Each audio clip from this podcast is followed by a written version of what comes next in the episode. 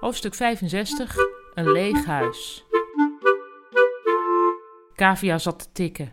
In de verte donderde het, wat Kavia oneindig gezellig vond.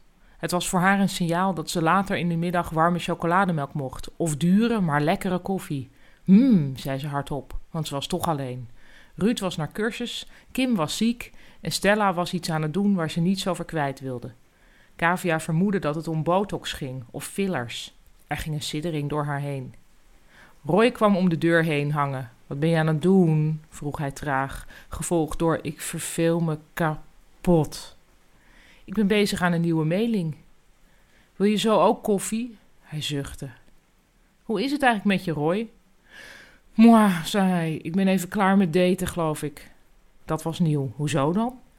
Je kunt jezelf wel nacht na nacht laten uitwonen, maar uiteindelijk zit je dan met een leeg huis.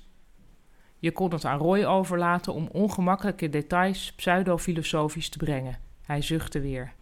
Weet je wat, zei Kavia, ik maak dit even af en dan gaan we samen lekkere koffie halen bij het tentje om de hoek.